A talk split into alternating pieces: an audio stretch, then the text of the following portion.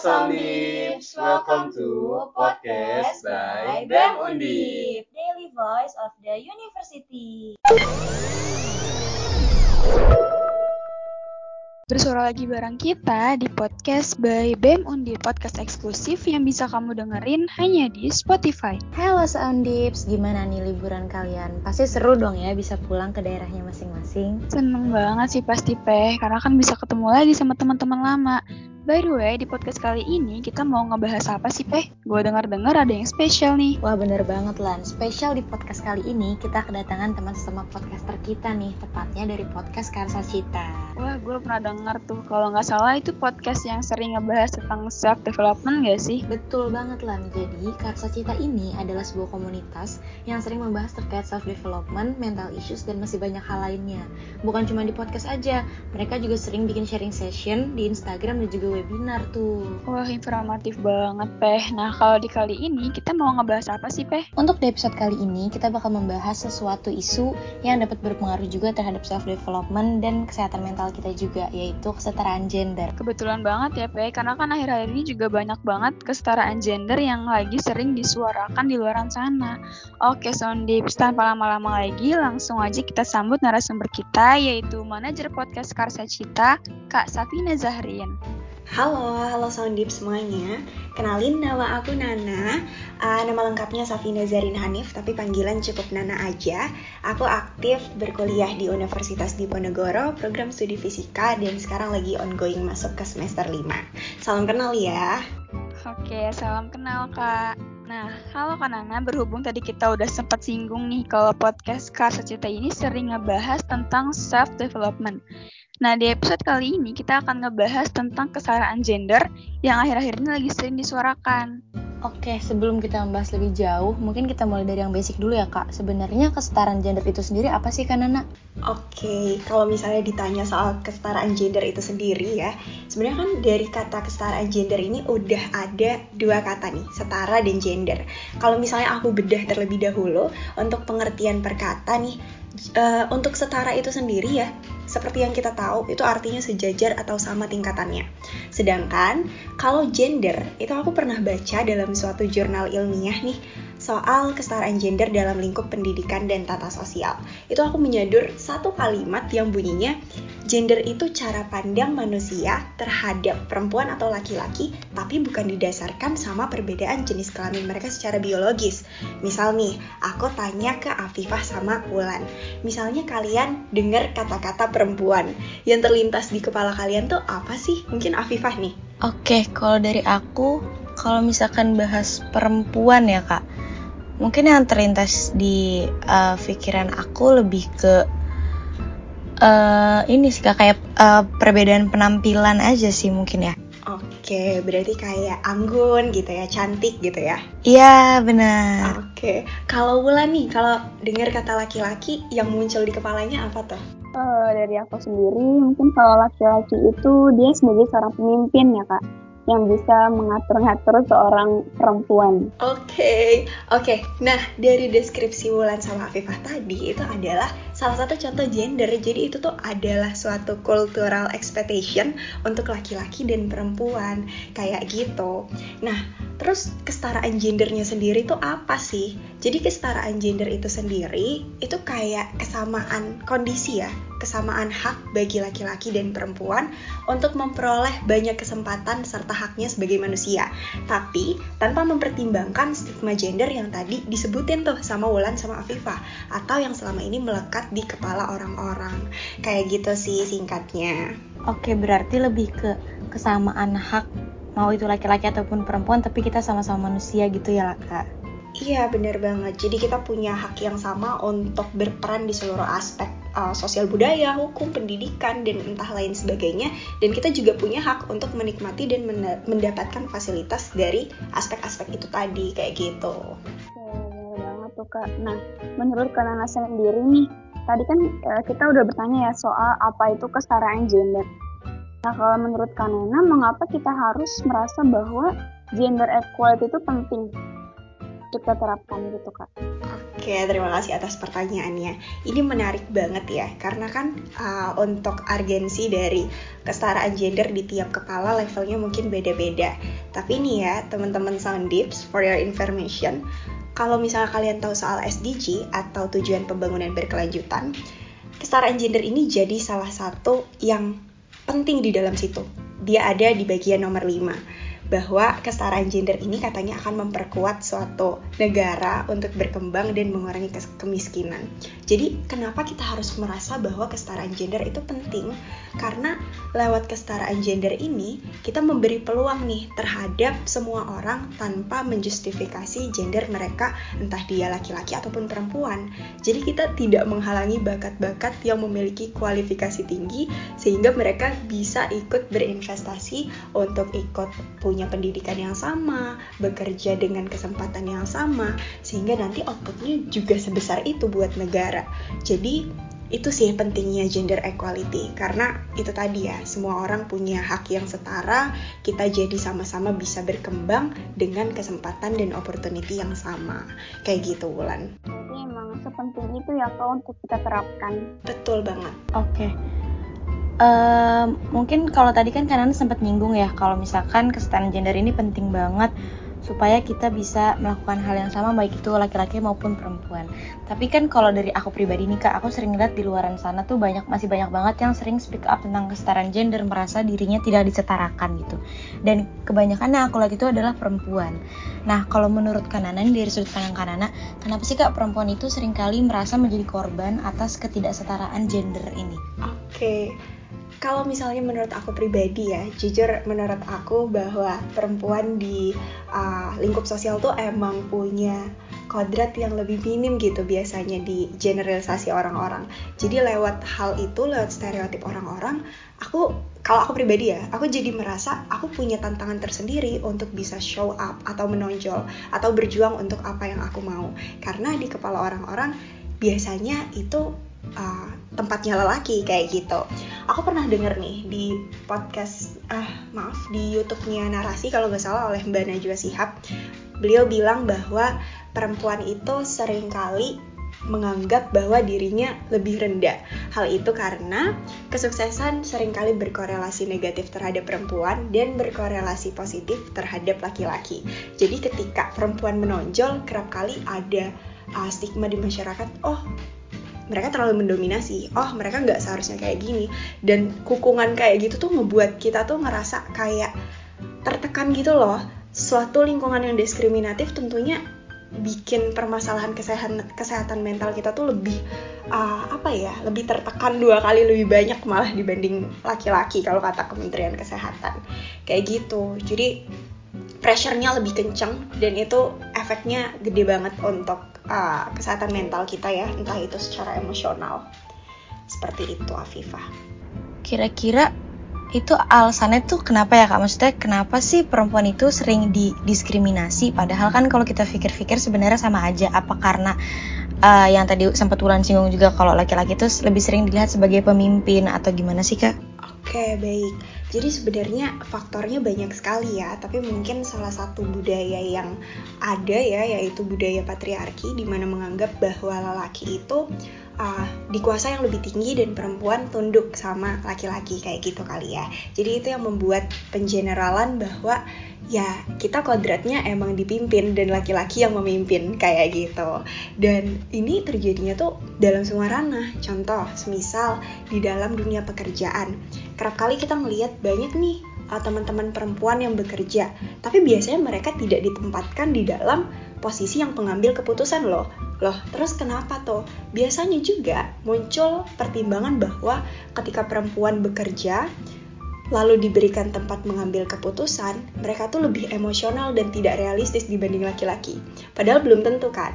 Nah, kesetaraan gender lah yang bisa menghapus stigma-stigma itu bahwa kita itu sebenarnya bisa juga dan supaya terrealisasi ya emang harus ada upaya. Jadinya nanti kesehatan mental dari teman-teman perempuan yang emang lagi berupaya untuk melakukan sesuatu tidak merasa terkukung duluan sebelum memulai.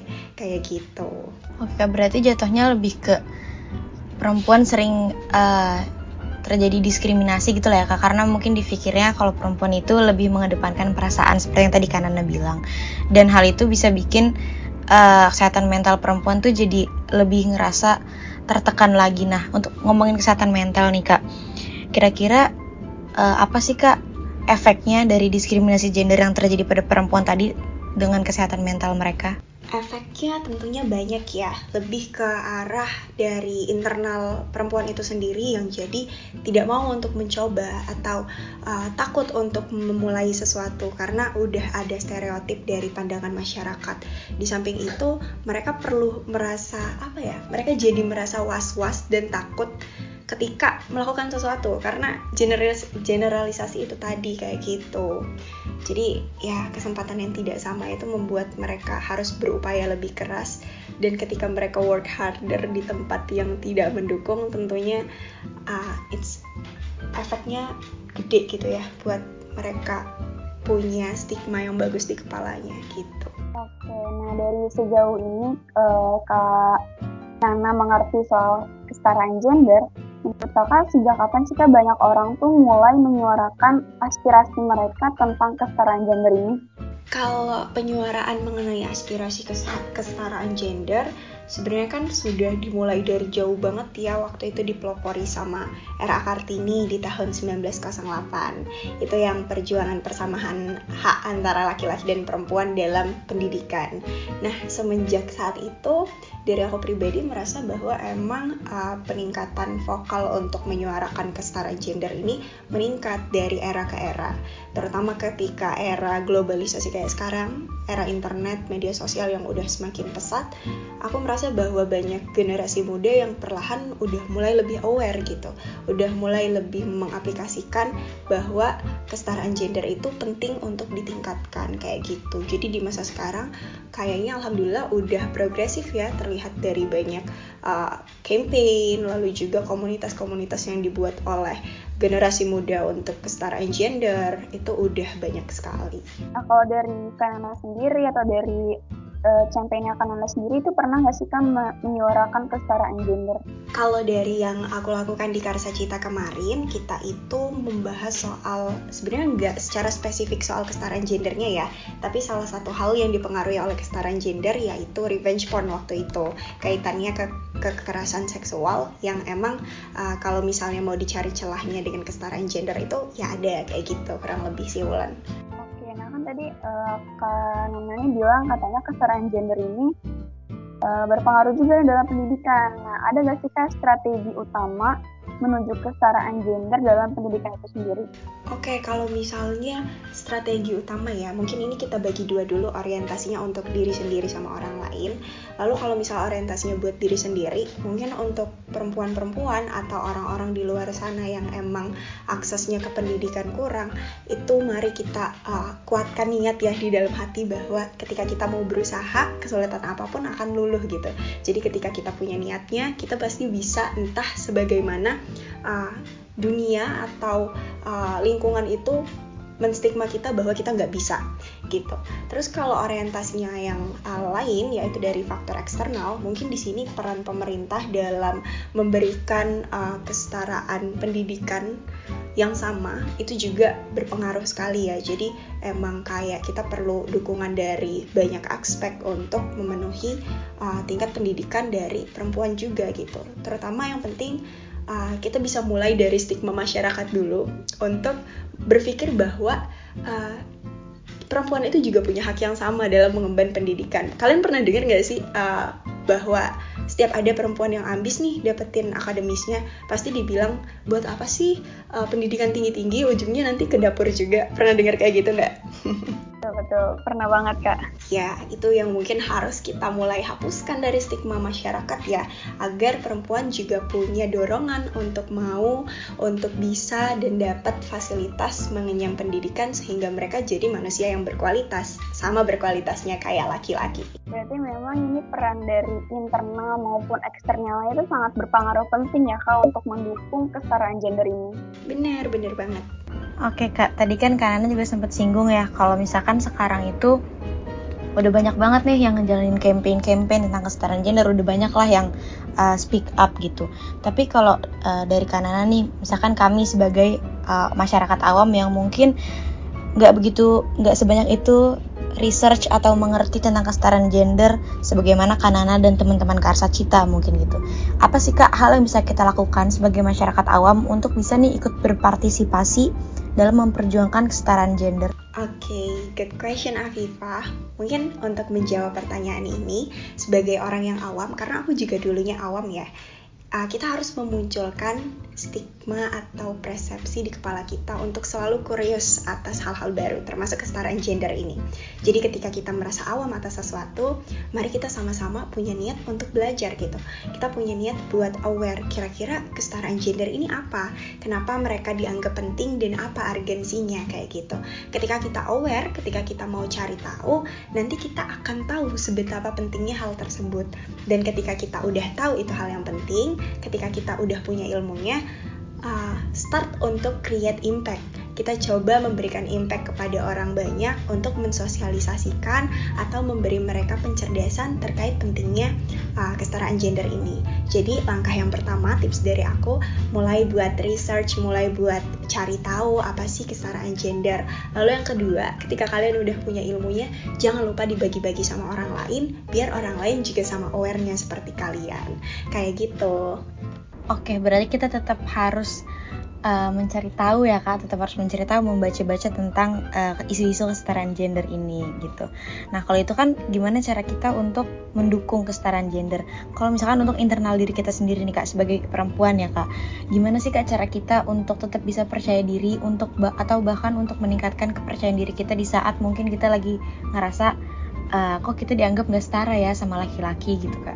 Oke, kalau ini ditanya soal uh, gimana nih cara menguatkan internal, balik lagi ya, itu soal niat dan kita harus asking ke diri kita sendiri, kenapa kita memulai ini? Kenapa kita mau uh, misalnya berkiprah di dalam suatu bidang yang dominasinya laki-laki? Kita tunjukkan bahwa niat kita itu punya uh, andil yang selaras sama kompetensi kita. Bahwa apa yang distigmakan sama masyarakat itu merupakan hal yang berkebalikan dari kompetensi diri kita. Jadi yang kita harus lakukan emang kita harus gigih dalam mencapai itu harus punya kompetensinya dan harus bisa menjadi pelopor untuk mendongkrak stigma orang-orang bahwa perempuan itu juga bisa untuk berperan andil. Jadi balik lagi percaya diri itu emang harus dilatih tapi yang paling penting ketika semua orang di dunia tidak percaya sama kamu, kamu adalah satu-satunya orang yang harus percaya sama dirimu sendiri. Dan ketika kamu percaya sama dirimu sendiri, ketika kamu udah sayang sama dirimu sendiri dan tahu apa yang kamu inginkan, semua orang pasti akan melihat itu sebagai sesuatu yang sama seperti kamu memandang dirimu. Jadi manifestasi aja ya, apa yang dilakukan dengan baik pasti outputnya baik. Dan insya Allah kesetaraan gender itu bisa terrealisasikan pelan-pelan.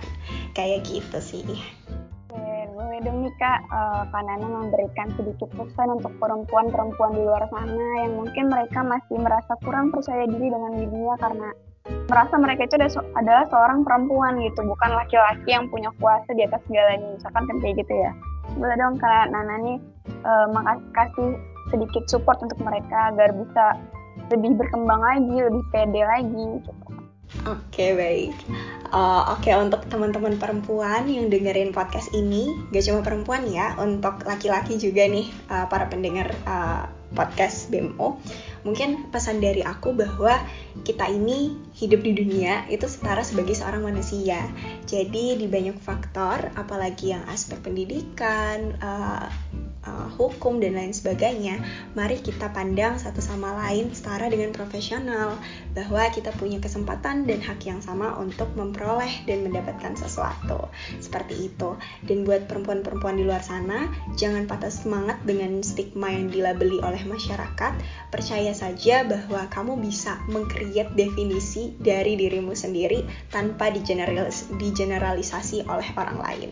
Kayak gitu. Betul banget tuh Sondi. Jadi sekarang uh, kita lebih ngerti nih tentang betapa pentingnya kesetaraan gender itu kita terapkan.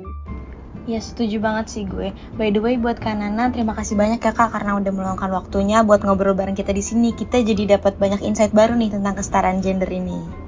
Iya, sama-sama ya. Nah, by the way, untuk teman-teman Soundips yang mau juga bersuara bareng para podcaster keren seperti aku di sini, bisa mengisi link tri BEM Undip yang ada di bio IG BEM Undip ya. Bener banget tuh kata Nana. Oke Soundip, cukup segitu dulu untuk episode kali ini. Sampai jumpa di episode selanjutnya. See you Soundips. Bye.